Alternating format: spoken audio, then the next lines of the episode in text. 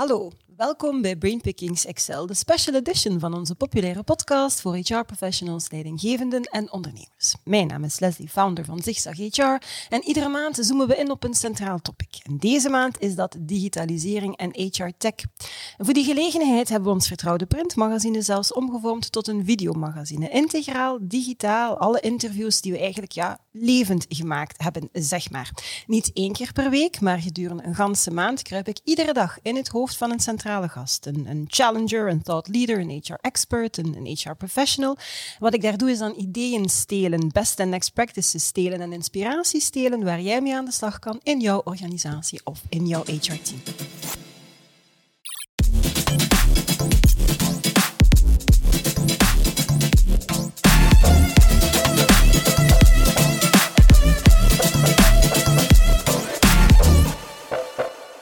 Ik kruip vandaag in het hoofd van Paul Verschuren, directeur Vlaanderen bij Federgon. En dat is de, private, de van de private arbeidsmarktbemiddelaars en HR-dienstverleners. Federgon vertegenwoordigt daarmee de federale en de regionale belangen van hun 600 leden, of meer zullen het er ongetwijfeld al zijn, die actief zijn in learning and development, uitzendarbeid, interim management outplacement, loopbaanbegeleiding, project sourcing, well-being en HR-tech. En het is niet de eerste keer dat ik in Paul zijn hoofd kruip. En deze keer heeft hij zelfs versterking meegebracht. Frank Arnoud, CEO van het Antwerpse techbedrijf Nalantis, een van de leden van Federgon. En bij Nalantis hebben ze een uh, toch wel unieke aanpak waarmee ze natural language understanding gebruiken, waardoor hun technologie zowel gesproken als geschreven taal in hun semantische, menselijke context begrijpt, analyseert en zelfs produceert. Een combinatie die uniek is in de wereld, naar eigen zeggen, zelfs Apple en Google zou overtreffen. Frank studeerde rechten en bedrijfsbeheer, zigzagde via Procter Gamble en Pepsi tot hij in de muziek terechtkwam, waar hij de eerste platenbaas was die niet uit de sector kwam. Vervolgens belandde hij in technologie zonder dat hij ooit code had geschreven. Frank omschrijft zichzelf als een technology lover, een disruption believer en hij noemt zichzelf een octopus, niet gehinderd door enige voorkennis, want hij is een man met veel en bovendien heel uiteenlopende interesses. Als kind ging hij op bezoek bij kunstenaars samen met zijn ouders. En in plaats van naar de voetbal ging hij met zijn vader naar de Carré om naar Toon Hermans te kijken. Ze hebben tien jaar gewerkt aan de verfijning van hun taaltechnologie. En we gaan het vandaag hebben over artificiële intelligentie. Hoewel, Frank heeft het eigenlijk liever over augmented intelligentie. Want, zo zegt hij, dat zet de toegevoegde waarde van technologie veel meer in de verf. AI is er om mensen te helpen om efficiëntere en betere beslissingen te kunnen nemen. Niet om zomaar die beslissingen in hun plaats te nemen, om mensen te vervangen of zelfs hun job af te nemen. Als je data kan begrijpen, dan kan je data ook vertrouwen. Less hype, more results. Voilà. Dag Frank. Dag Paul. Dag Leslie. Alles goed met jullie? Ja, ja, ja. Super. Helemaal klaar voor? Helemaal. En het is vandaag vrijdag, het weekend staat voor de deur. De zon schijnt, dus... Even. Even. We gaan dat zo houden, maar het zijn allemaal positieve elementen om er een heel fijne uh, podcast van uh, te maken. Um, ik ga misschien starten even bij jou, uh, Paul. Bij, bij, haar aanstelling tot nieuwe CEO van Federgon verkondigde Anne Catelin eind 2020 dat ze Federgon het nieuwe digitale tijdperk uh, wil binnenloodsen aan de hand van een aantal nieuwe strategische prioriteiten. Het is duidelijk dat HR-dienstverleners noodzakelijk zijn om een sterk arbeidsmarktverhaal te schrijven, zei ze toen. Wat zijn die prioriteiten en welke opportuniteiten zie je dan voor de HR-dienstverleners? Welke bezorgdheden heb je daar eventueel bij? Ja. Misschien eerst even uh, refereren naar een gezag, gezaghebbend HR-vakblad. Dat stelt dat it's a great time uh, to be in HR. We kunnen dat alleen maar onderschrijven. En uh, eigenlijk is dat ook een beetje de basis voor waar we naartoe willen in, in de komende periode. Ik denk dat, dat het duidelijk is dat um, onze arbeidsmarkt voor, voor toch wel heel zware uitdagingen staat. Ik denk aan learning and development, ik denk mm. aan, aan de 80% werkzaamheidsgraad van, mm -hmm. van, onze verschillende regeringen. De, de, de verschillende zorgnoden hè, die, we, die we ontstaan, zien ontstaan. De transitietrajecten, hoe gaan we mensen van de ene naar de andere plaats op de arbeidsmarkt brengen op een kwalitatieve manier. Uh, en dat betekent eigenlijk dat wij rond die dossiers, die toch wel arbeidsmarkt- en maatschappelijke uitdagingen zijn, ja, dat we daar uiteraard volop willen ook onze voorstellen, onze proposities naar de verschillende stakeholders willen uh, duidelijk maken communiceren en die effectief ook, ook uitvoeren. Twee, zien we eigenlijk dat het landschap van, van, van, van dienstverleners stelselmatig ook toeneemt, omdat er ook nieuwe behoeften ontstaan. En we proberen uiteraard die, die, die ook te capteren binnen Federgon. HR-technologie is daar één van. Mhm. Eh, dat brengt ons hier vandaag samen. Maar we zien bijvoorbeeld ook in welzijn heel wat nieuwe dingen ontstaan, in well-being. De bedoeling is eigenlijk om die community van HR-dienstverleners om die uh, zoveel mogelijk uit te breiden, maar vooral ook om die interactie tussen leden om die te verbeteren en om die te verhogen via ons member-to-member -member, activiteiten. Um, ja, laat ons zeggen dat, dat, dat ja, wat wij voor ogen hebben, is eigenlijk antwoorden bieden op die uitdagingen op de arbeidsmarkt. Ik denk dat wij als uh, dienstverleners daar goed voor geplaatst zijn. Mhm. En uh, wij zullen die boodschap uh, tot in de treuren toe herhalen. Oké, okay, super. Um, Frank, dan kom ik graag bij jou. Jullie, jullie technologie en die haalt informatie uit vacatures, uit cv's, motivatiebrieven, maar ook uit profielschetsen, testresultaten, beroepsomschrijvingen, taakomschrijvingen. Met andere woorden, kan jullie technologie, als ik het goed begrijp, dan niet alleen ingezet worden als jobhunter, maar even, even zeer in het kader van opleiding en interne mobiliteit. Hè. Kan je misschien eerst duiden voor mensen die luisteren en kijken wat dat die technologie heel concreet doet en misschien aan de hand van ja, een aantal voorbeelden? Ja, maar het is natuurlijk veel meer dan alleen daar een aantal trefwoorden uithalen. Dat zijn de mhm. klassieke CV-parsers, ja. dat dan, die halen daar informatie uit. Wat onze technologie doet, zelfs los van HR, is data, teksten in eender, eender welke vorm, formaat, taal, maakt allemaal niet uit, is die begrijpen. En dat woord mhm. begrijpen, dat ga ik nog een aantal keer gebruiken, omdat het daarover gaat. Dat is, die, dat is begrijpen wat dat daar staat. Dat is niet een woord herkennen, maar een woord in een uitdrukking, een uitdrukking in een zin, een zin in een paragraaf en begrijpen, contextueel begrijpen wat dat is. Als er in een zin in staat, ik ben net naar de bank geweest om geld af te halen, dan moet het systeem begrijpen dat bank in dit geval niet het zitmeubel was, mhm. maar de financiële instelling. Dat verklaart waarom dan bepaalde vertalingen zo absurd zijn, ja, waarschijnlijk. Om, omdat mhm. bijvoorbeeld in, in het Engels heeft bank negen verschillende betekenissen. Mhm. Maken ze een zin van tien woorden, waar elk woord negen verschillende betekenissen heeft. enige statistiek leert u dat dat over meerdere duizenden, tienduizenden mogelijkheden gaat. Dus mm voilà, je moet dat begrijpen. In HR, als ik schrijf in een cv, ik ben een verkoper en ik rapporteer aan de algemeen directeur, wil ik niet dat ik als algemeen directeur daaruit kom en geanalyseerd wordt. Mhm. Dat ziet misschien mijn, eh, streelt mijn ego, maar daar gaat het niet om. Dus het gaat over dat begrijpen. Ja. Dus inderdaad, een cv, een motivatiebrief, resultaat van een personeelsevaluatie enzovoort. En dan kan je die tool beginnen gebruiken om daar talentmanagement systemen op te bouwen. In die zin dat je zegt, ik heb een cv van iemand, drie personeelsevaluaties, een motivatiebrief, nog een testresultaat. En nu heb ik een heel rijk profiel mhm. van iemand op één lees geschoeid, een rijk profiel daarvan. En nu ga ik dat eens afzetten tegenover alle functies die er bij ons in het bedrijf zijn. Ja. En dan zie je ineens dat die assistent boekhouder, waarvan je normaal denkt, ah, die wordt straks boekhouder, hoofdboekhouder, opperhoofdboekhouder, want zo denken wij. Ja, ja, heel traditioneel. Maar die kan eigenlijk ook project calculator worden. Maar daar had ik nooit op gedacht, want dat zit in de logistiek en, en deze man zit in finance. En dan zie je waarom die man of die vrouw de juiste talenten heeft, de juiste mhm. competenties heeft. Dan zie je ook meteen waar dat die ontbreken, want niemand is perfect uh, daarop gematcht. En als je die dan weer afzet tegenover je interne opleidingsportfolio, dan heb ik ineens een heel nieuw uh, horizon voor Sarah, die nu in het departement zit, daar misschien een beetje blok zit. Maar ineens zie ik nieuwe mogelijkheden. Dus, dus de technologie laat dat toe.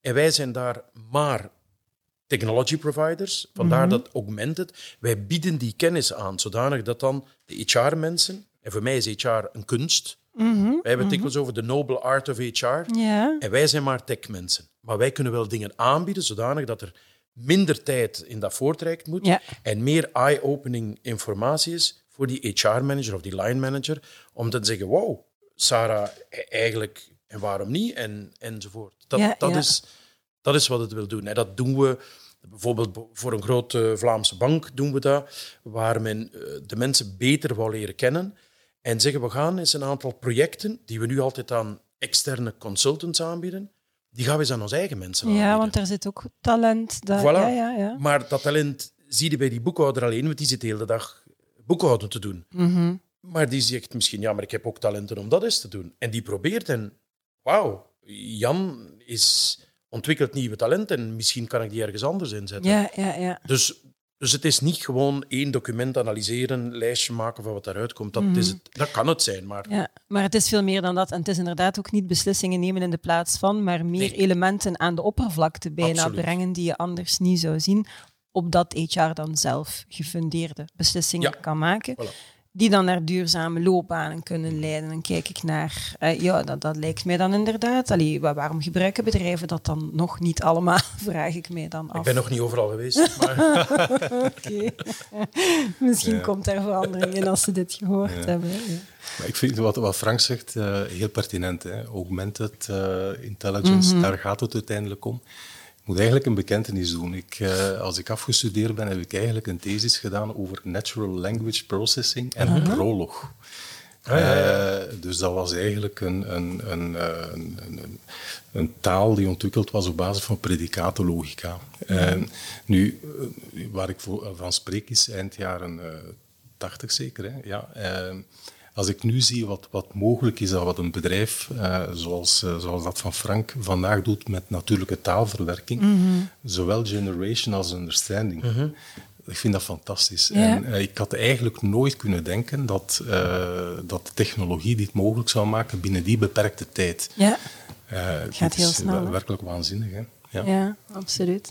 Ja, en effectief ook het verschil dat je maakt, want ik denk dat dan een, een van je kernboodschappen eigenlijk is, ook in het voorbereidend gesprek kwam dat er heel sterk uit, Frank, dat het gaat hem om het begrijpen. En je, verwijst daarnet inderdaad, het, het is heel gebruikelijk, heel wat recruitmentsystemen doen dat inderdaad, het, het CV-parsing hè, dat je daar noemt, Ehm, dat is dus absoluut niet hetzelfde wat dat jullie aanbieden. Het is echt het begrijpen van het woord in die context en, en ja, dat is, dat is minstens een niveau hoger. Hè? ja, omdat je op die manier veel rijkere Ja. eh, informatie over de Ja. mensen, of, of over wat dat je dan ook leest, haalt veel rijker informatie uit. ja. Oké, absoluut. Ehm, Frank, in ons voorbereidend gesprek eh, heb je mij verwezen naar een, een heel interessant eh, boek, Weapons of Math Destruction. Ehm, je dweept daarmee, mag ik niet zeggen, want dat, ik denk dat dat te zwaar is en dat, daar zit dan misschien een, een, een bijna negatief, eh, blind vertrouwen in. Hè.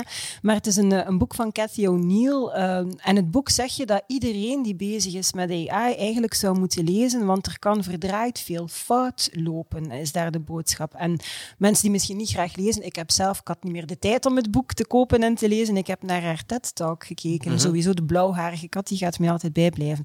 The era of blind faith in AI must end, zegt Kunt je misschien de kern van, van haar boek en de belangrijkste boodschappen kort toelichten? En dan misschien ook in het kader daarvan waarom dat we dat jullie ontwikkeld hebben, dan wel degelijk betrouwbaar is. Ja. Iedereen heeft het heel makkelijk en heel vlotjes over big data Ja. en machine learning Goh, en self-learning systemen enzovoort. En dat is allemaal fantastisch. En ik ben daar allemaal fan van. Ik dweep daar niet mee, maar ik ben daar fan van. Mhm. Wij gebruiken semantiek als basis, maar wij gebruiken ook machine learning te- technieken en technologieën. Geen probleem. Alleen het blind geloven Mhm. in big data en big data analysis en machine learning is anderzijds ook wat gevaarlijk. En daar gaat dat hele boek over. En, en machine learning is heel dikwijls, dat is wiskunde. Dat is zeer hoge wiskunde, dat is statistiek. Dat neemt data excuseer, uit het verleden en gaat die dan codifiëren volgens bepaald. Maar zoals Cathy Neal bijvoorbeeld zegt, big data processes, they codify the past, but they don't predict the future. En het risico zit in dat tweede stuk. Dat wordt heel dikwijls gebruikt. Er wordt naar data gekeken, ontzettend veel data. Dan zijn daar supercomplexe algoritmes en die nemen dan een beslissing, namelijk de beslissing. Ja. En dat is waar het gevaar in schuilt. En daar zijn een aantal voorbeelden, daar zijn legio-voorbeelden, maar in dat boek wordt er bijvoorbeeld gesproken over het systemen die de banken maken, die op basis van heel veel gegevens gaan voorspellen of dat Leslie wel of niet een lening krijgt, of Frank wel of niet een lening krijgt. En die is op zoveel data gebaseerd dat dat ook niet uit te leggen is waarom, alleen machine says so. Machine says, Dus de machine nee. bepaalt of dat ik het krijg Voilà. of niet. Ja, en de banken geloven daar dan heilig in, omdat ze zeggen, ja, dat maakt wel fouten, maar die fouten wegen niet op tegen, Ja. tegen, tegen mensen die ik een krediet gegeven. En dat duwt mensen letterlijk de armoede in. Ja? Omdat daar zitten criteria in van waar je woont, wat je gestudeerd hebt, wat je job is, zolang dat je werkloos bent. Allemaal dingen die dat bepalen. En dan krijg je geen lening en dan gaat je naar woekerpanden en dan Ja, worden ook ja. enzovoort. En dat is niet één geval, daar zijn duizenden gevallen van. Of leraars die beoordeeld worden op basis van of hun studenten later doorstuderen, ja en nee. Ja, ja. Zodanig dat de beste leerkrachten uiteindelijk uit een school geweerd worden, omdat die, omdat die op die test, op die big data test. Dus het blind geloven, iedereen weet wat dat er bij Amazon gebeurde. Amazon die een machine ging bouwen om perfect te voorspellen, moet ik Jan, Pier, Pol aannemen enzovoort. En dat machine was utterly racist en, en, ja. discriminerend enzovoort. En, en, en Amazon heeft dat ingezien en dat onmiddellijk gestopt. Maar er zijn heel veel systemen die Ja. dat niet inzien en geloven in het, het grotere geheel. Mhm. Maar nog eens, ik ben een fan van machine learning. Wij gebruiken die technologieën. Alleen daar moet een menselijke correctie. En dan ben ik weer helemaal terug bij HR. Mhm. Laat nooit een machine zeggen: Jan wel, Sarah niet. Dat zou dom zijn. Ja. Laat wel een machine helpen om te zeggen: Ik denk dat Jan eigenlijk zo en zo. En ik denk dat Sarah daar en daar. Maar laat het dan alsjeblieft terug naar Ja. de mensen gaan. Mhm.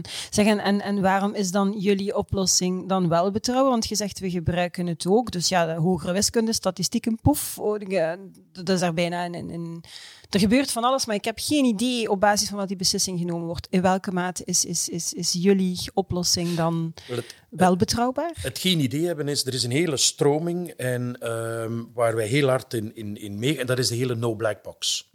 Dat hele machine learning, dat is een black box. Dat is super complex en dat produceert iets. En je gelooft dat iets omdat je in de black box gelooft. Omdat Ja. het die is van OpenAI, van Elon Musk. Dat zal dan wel juist zijn. Dat is ook heel dikwijls juist. Ehm, wij geloven heel, erg, heel eh, erg in die no black box. Dat wil zeggen dat alles wat daaruit komt, moet understandable, explainable en changeable zijn. Oké. Dat wil zeggen, je moet kunnen uitleggen waarom heb ik nu dit daaruit gehaald en dat daaronder gezet. Waarom heb ik nu op basis van dat en dat die conclusie genomen en op basis van welke regels. Ja. Want als je een cv analyseert en een job analyseert en je matcht die, dan heb je regels gevolgd. Heb je dan gelet op senioriteit en wat is de definitie van senioriteit enzovoort. Dus als je van al die dingen eh, een, een, een, een onderbouw hebt waarom dat doet en hoe je één met één optelt en waarom het dan drie is, dan heb je AI die je kunt vertrouwen. Ja. Dan heb je ethische AI, wordt dat ook wel eens genoemd. Ja. Omdat je, eh, wat dat je vertrouwt, wat dat je kent, daar kun je mee werken. Als het uit een blackbox komt, ga ja, dan hangt het af van je geloof, je blind geloof, Ja. in die blackbox. En voilà, dat, dat doen wij niet. Nu, zo'n blackbox heeft ook altijd immens veel data nodig. Hè. Dat is altijd gebaseerd en dat is ook dat is de kracht en de zwakte. Want de kracht is dat die analyses gebaseerd zijn op 20 zillion documents. Fine. Maar wat als je die nu niet hebt? Ja. Ik wil eigenlijk geen analyse van de boekhouder.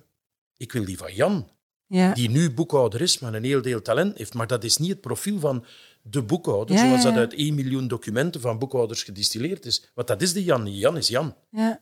En, en, en dat is die big data en die small data. Ja. Ik, ik, ik heb liever small data dan big data. Mhm. Maar Moeten, we het, moeten we het zeker inderdaad ook over hebben, want het is in een aantal belangrijke zaken dat je, dat je daar eh, aanhaalt. Misschien even checken eh, bij jou, Paul. Hoe, hoe kijk jij daarnaar als, als je dat hoort? Dat is iets dat... dat Ja, ik vind het verfrissend in elk geval dat we in een discussie komen rond ehm, AI die, die wat meer gebaseerd is op, eh, op de realiteit en op reële verwachtingen. Ehm, wat, wat, wat Frank zegt, eh, dat, dat klopt volledig. Hè. We zaten eigenlijk een beetje in de sfeer van, van, van de black box en je stopt er wat in en je krijgt er iets uit. En een blind geloof en een, bijna een adoratie van het zal wel juist zijn. Maar als je niet kan uitleggen eh, waarom die AI leidt tot die oplossing, dan heb je eigenlijk een probleem. Ehm, eigenlijk wat, wat nog niet aan bod gekomen is, maar dat vind ik eigenlijk een van de basisproblemen. Ehm, eh, heel veel van die AI werkt inderdaad op basis van data, op basis van correlaties. Maar wat mij eigenlijk interesseert, dat is niet de correlatie, maar de causaliteit. Hè?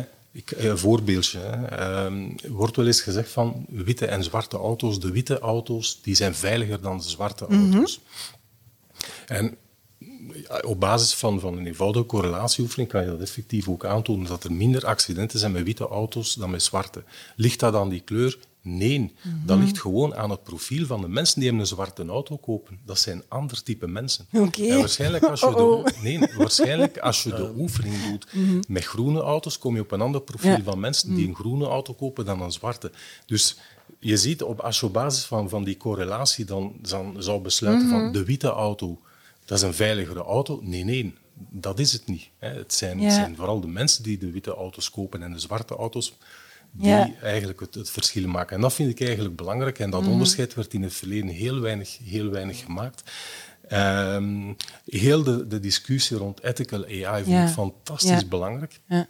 Het is altijd zo dat de technologie meestal wat voorloopt op, op de discussies, juridisch, Absoluut. ethisch.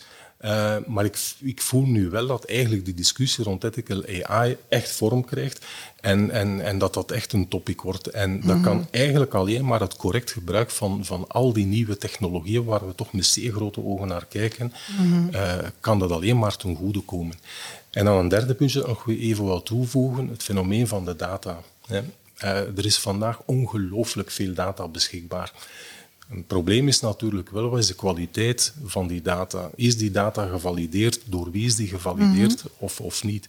Want natuurlijk, als je eh, op basis van, van, van data die je ter beschikking hebt, waarvan de kwaliteit niet zeker is, conclusies gaat trekken, ja, Ja. dan is de vraag, wat, wat, wat is de waarde van die conclusies? Maar ik vind wel, en dat vind ik belangrijk, dat, dat de, de, ja, dus de, de potentieel zwakke punten van die technologie die liggen vandaag op tafel en daar wordt aan gewerkt. Ja. En dat, vind ik, eh, dat vind ik wel goed. Dat is is, zeer eh, beloftevol. Ja, een goede zaak. Ja. Ja, want wat dat ethische aspect betreft, eh, moet ik spontaan denken. Een van de andere gasten die we, die we deze maand hebben is Steven van Bellegem. Die, heeft, die brengt dat eigenlijk ook. Die brengt altijd een positieve boodschap als het gaat over technologie. En dus we moeten daar niet angstig naar kijken, want we moeten er niet blind in geloven. We moeten ook niet bang zijn en, en het gaan weren. Maar ik herinner mij dat hij zei van ja, zegt hij, elke keer dat ik dat ethische aspect van data merk ik van, ik krijg er eigenlijk geen feedback op, omdat dat heel abstract is en mensen weten niet hoe of wat. Hij heeft daar zelfs een fictieboek nu over geschreven, Eternal, waarin, en zo zijn er eigenlijk nog wel een aantal actoren die op, op een, een meer concrete manier dat, dat toch wel op tafel gaan leggen. Eh, Er doen zich ook situaties voor vandaag de dag waar, waar dat, dat duidelijk wordt dat dat, eh, dat dat ethische aspect gewoon cruciaal is. Dus in dat opzicht ja. vind ik het eh, een zeer belangrijk aandachtspunt dat we hier nog eens eh, gehoord hebben. Over die big data, hè, dan... ehm, ik hoor je zeggen, je hebt geen zillion of triljoen data nodig. Je kunt dus ook met small data werken. En je mocht dan waarschijnlijk ook die big data niet gaan spiegelen aan die small data. Uw verhaal met uw boekhouder dat je net zei, leg dat misschien nog een keer Ja, concreet dat, eh, dat, dat is effectief het verschil tussen de boekhouder en Jan de Ja. boekhouder. Ehm, eh, Jan is één figuur, of Sarah, Mhm. of, of, of iets daartussenin. Die heeft één profiel. Mhm. Daar is één cv van, daar is één um, personeelsevaluatie, misschien twee of drie. Die moeten kunnen lezen. Maar vermits het bij ons gaat over understanding, Mhm. heb ik geen miljoen data nodig die mij uitleggen wat een boekhouder is. Ik zou het zelfs bijna zeggen in tegendeel, want daar kan ik dan het, het ideale profiel van de boekhouder van maken. Maar, en dat is goed om dat als een spiegelbeeld daar misschien naast hangen, maar laat mij niet de fout maken om dan te zeggen dat, aha, omdat Jan een boekhouder is, ten eerste, mensen zijn altijd veel meer dan één functie, want een functie is maar, maar stel als Jan echt, echt de boekhouder is, dan mag ik hem zeker niet die attributen toekennen die uit dat miljoen eh, ja. geanalyseerde documenten komt. Want dan zeg ik, ah ja, dus Jan is minutieus en zorgvuldig. Misschien is Jan wel een hele slechte boekhouder en is die helemaal niet minutieus enzovoort. Dus daar zit zelfs een risico in om big data en big analysis te gebruiken in een individueel geval. Oké. Ja. En, en wij kunnen dat omdat wij op één document kunnen natuurlijk ook geen statistiek doen. Je kunt geen machine learning doen op drie documenten. Dat, dat, dat gaat niet. Maar je kunt wel een begrip doen van één document. Ja. Een begrip van één zin kunnen doen. Dus, dus daarom, en er is niet altijd big data. Hè. In, in een bedrijf is er niet big data. Nee, en als ze er al is, inderdaad, de kwaliteit, dat ik u net hoor Ja, zeggen. voilà. hè. Ja, met, welke, met welke precisie en nauwgezetheid is ze ingevoerd geweest? Door wie destijds ooit? Hè? Ja. Ja. Maar ik denk, de discussie rond big data en de hype die op een bepaald moment gecreëerd was, heeft heel veel bedrijven ehm, ja, de ogen doen open van we moeten iets doen met big data. Wat mij eigenlijk onmiddellijk opviel, was dat de bedrijven die daar dan eh, echt eh, rond die hype een beweging wilden, wilden maken, dat die eigenlijk ook niet goed waren op hun small data. En eigenlijk de data die ze zelf al hadden, en dat zijn er eigenlijk vrij veel onvoldoende gebruikte. En wat, kan, wat kan small data zijn? Dat zijn uw basic data, website, eh, eh, trafiek, eh, kost per contact, aantal sollicitanten dat op uw website eh, ehm, solliciteert, aantal highs. Dus eigenlijk een aantal basisdata die iedereen, zonder over big data te moeten spreken, eigenlijk zou kunnen hebben. Toegepaste data, vandaag heel wat, wat, wat applicaties voorhanden die op basis van big data kunnen geïntegreerd worden in uw eigen systemen om bijvoorbeeld uw vacatureteksten uh, beter te maken. Ja. Zeg zo maar iets. Hè. Moet je daarvoor zelf big data hebben? Nee. Hè. Je kan dat eigenlijk gewoon bijna pluggen en playen. Hè. En dan simple data, uh, dikwijls heel eenvoudige zaken, zoals de, de, de employee promoter score, de het werk, uh, medewerkerstevredenheid, zijn eigenlijk basisdata, small data, waar dat je iets kan mee doen, waarmee dat je een brand kan, kan, uh, kan verbeteren. maar, maar ik heb dikwijls vastgesteld dat bedrijven die, die echt meegingen in die hype van, van die big data eigenlijk niet op orde waren met hun small data. Ja. Dat die daar eigenlijk al heel wat uh, kansen lieten liggen, eigenlijk uh, laaghangend fruit. En, en dat maakte mij dan toch wel een klein beetje... Uh, ja, het klinkt ook goed, hè? Ja. Big data en grafieken Ja. laten zien en, en Ja. flowcharts en, en graph data. Ja. En, wauw, wij, wij hebben al die big data in kaart. Ja, ja, maar hoe gaat het nu met Jan? Ja, En- ja en als je het terug naar Jan, inderdaad. en- ja. Jan die staat daar dan ergens als een ster in die sterrenhemel van big data, maar Daar heeft Jan ook zelf helemaal geen boodschap Nee. aan natuurlijk. Nee. Hè? En zo helpt je Jan eh, in de meeste gevallen niet. Nee, oké. Ehm, nu, in, in Vlaanderen en in België bij uitbreiding is er een, een ongemakkelijke overgang, heb je het benoemd, Frank, van de traditionele manier van kijken naar een cv naar het nieuwe denken, dat dus effectief meer uitgaat van competenties en skills. Het is geen seamless proces, heb je dat genoemd. En je hebt toen ook verwezen, in Nederland zijn er toch wel al heel wat initiatieven die daar wel heel sterk op inzetten. Regio in je rugzak had je daar bijvoorbeeld eh, aangegeven, waarbij dat Nederlandse leerlingen echt wel geholpen worden bij het oriënteren op een toekomstige loopbaan, te kijken naar welke kansen ze ook in de regio hebben. Je hebt Open Embassy genoemd om, om nieuwkomers te helpen om een weg te vinden. En dat lijkt hier nog geen ingang te vinden. En nochtans, VDAB is daar toch ook best wel al een tijd mee bezig. Hoe komt dat dan dat dat, dat, dat, dat in Vlaanderen niet gaat? Is dat de mindset, skillset, middelen? Waar, knelt dat? Is de regelgeving? nee, ik, ik, wou dat ik het wist, maar VDAB, wij zijn al, al, al jaren, al, al, drie of vier jaar of zo, doen wij de competentieanalyse voor de VDAB. Die, die geloven heilig in het denken in competenties en niet in... En met het klassieke, waar op zich niks verkeerd mee is, bedoel ik het indelen in werkervaring, talenkennis, opleiding enzovoort. Maar dat hele competentiedenken, daar zijn wel monden vol over en seminaries vol over. Maar als ik zie hoeveel bedrijven dat de facto echt kijken en hun mensen in competenties in kaart brengen, ja, dat, dat is weinig. En ik weet niet waarom dat, dat is. Ehm, eh, wij hebben nogthans een hele goede VDAB, levert een hele goede competentiestandaard, competent. Dat, dat is prima. Eh, vanuit de EU is er een andere ESCO, er zijn internationaal, dus daar zijn competentiestandaarden genoeg. Maar ja, ik weet het niet waarom. Voelen mensen zich... Is dat een beetje de, de, de, het vertrouwd gevoel van... Ja, maar we deden dat altijd. Ja, ja. Je begint iets meer in hokjes in die assistent boekhouder, boekhouder, Het hoofdboekhouder is enzovoort te makkelijker denken misschien. met de klassieke indeling. Ja. En, en als je echt kijkt naar competenties, terwijl dat echt een eye-opener is. Ik weet niet goed waarom. Zijn Ja. Nederlanders dan toch wat vrijer in? Of, ik weet het niet, maar we hebben daar een paar initiatieven lopen inderdaad. Mhm. Ja. Meer dan, dan hier. Dan hier. Hoe kijk jij daarnaar? Wow. Ik vind het een bijzonder boeiende vraag. Ehm, het is nog altijd een feit dat een belangrijk deel van onze arbeidsmarkt, met name de publieke arbeidsmarkt, dat die nog altijd gebaseerd is op diploma-gericht eh, denken en handelen. Eh, ik ben gisteren nog eens gaan kijken op, op de website en daar vind je, van, ik denk van de Vlaamse overheid, en daar vind je eigenlijk een, een, een tabel met de verschillende niveaus en dan de diploma's die daarmee Ja. in overeenstemmen. Over competenties wordt daar eigenlijk niet gesproken. Hè. Ehm, twee, het denken in competenties is ook niet zo eenvoudig. Hè. Wij zijn een land van KMO's. En de KMO die geleid wordt door de, de, de, ik zou zeggen, door de, de zaakvoerder, ja, die is dat misschien ook niet gewend om, om na te denken in termen van, van, van eh, competenties. Hoe vertaal je een vacature naar competenties? Hoe interpreteer je een cv in termen van competenties? Ik vind dat nog niet zo, nog niet zo eenvoudig. Eh, een derde puntje dat ik wil aanhalen, dat is dat, en dat is misschien het moeilijkste van allemaal nog, als je begint competentiegericht te matchen, dan krijg je soms heel vreemde en tegenintuïtieve Ah, ja, ja. oplossingen. En als dat uit de machine komt, dan ben ik er gegarandeerd zeker van dat 9 op de 10 bedrijfsleiders, HR-verantwoordelijke zegt van dit werkt niet. Nee, Dit klopt niet. het is een fout. Ah, dat is een fout. Ja. Dat klopt niet. Als je eh, een, een, een vacature hebt voor een, een, eh, een plaaster van zonnepanelen en daar komt daar iemand uit die, ik zeg zomaar iets, eh jarenlang ervaring heeft in een bakkerij, dan zeg je dat kan niet.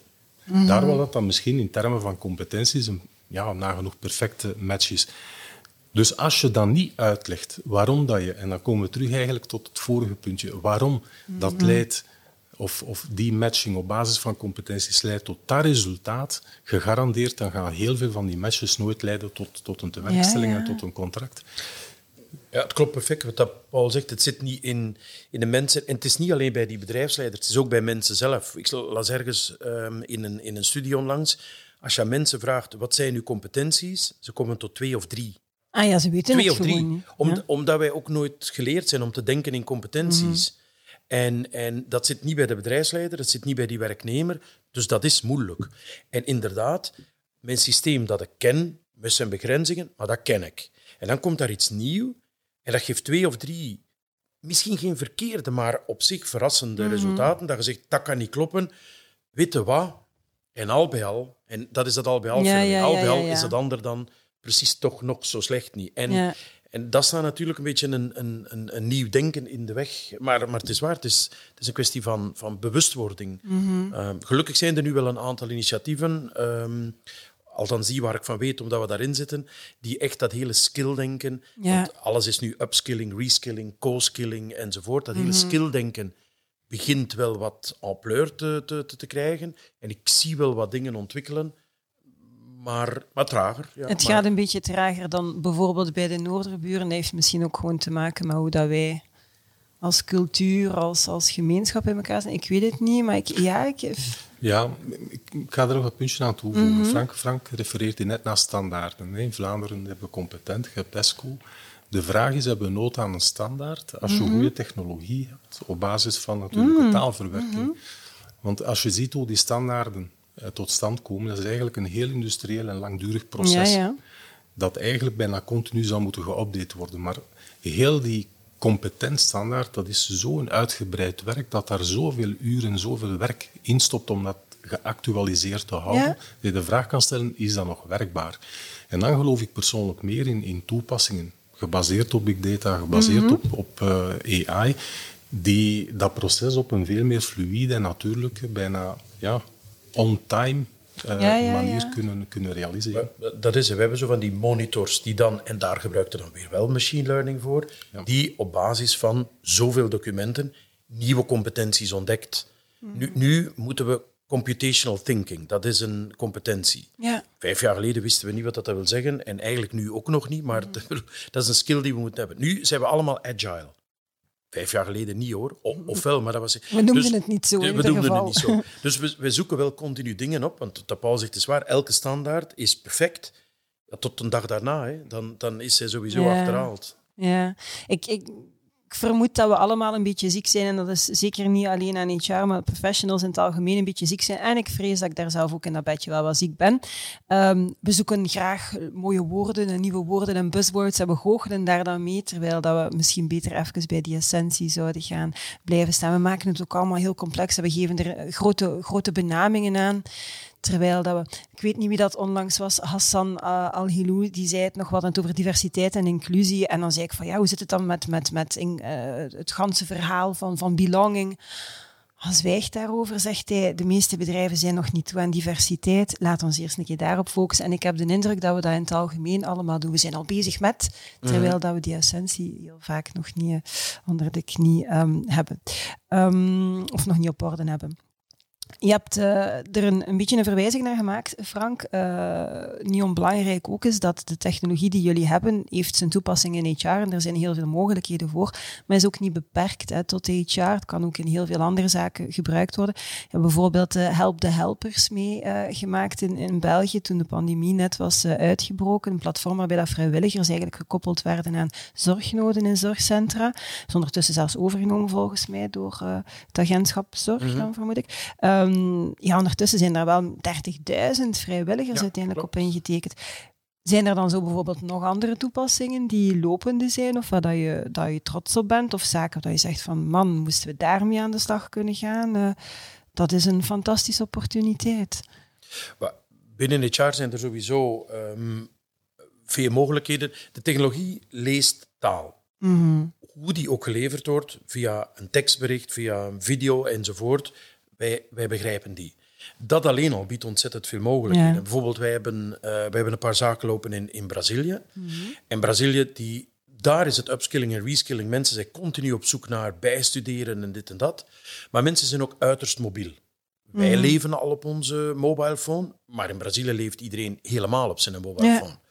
Wat je dan kunt maken, is toepassingen waar mensen gewoon hun telefoon nemen, naar een jobsite gaan bijvoorbeeld, Mhm. en daar gewoon inspreken. Ik ben Pablo, ik ben eh, boekhouder, ik, kan dit, ik heb iets met boekhouders vandaag. Ja. Maar, eh, en ik ben zo niet een boekhouder. Ehm, maar waar Pablo kan zeggen, ik ben verpleger Mhm. en ik ben gespecialiseerd daar en daar en ik spreek nog een mondje Frans.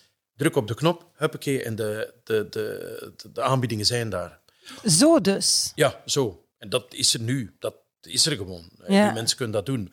Of we werken voor een universiteit in, ehm, in Brazilië, waar mensen kunnen ja, of een job zoeken om bij te klussen, om, Mhm. om wat extra centen, of naar het einde van de studie misschien een stage zoeken, of daarna naar werk zoeken. En dat kan allemaal door elkaar op, Ja. op, op één platform, door video op te nemen, iets in te spreken, iets te... Dus het is ook het gemak van het raadplegen Ja. van data. We hebben zo bijvoorbeeld buiten de HR-sector hebben een applicatie waar nu worden alle gemeenteraden en, en, en stadsvergaderingen, weet ik wel, allemaal opgenomen. Audio, video Mhm. ja. enzovoort.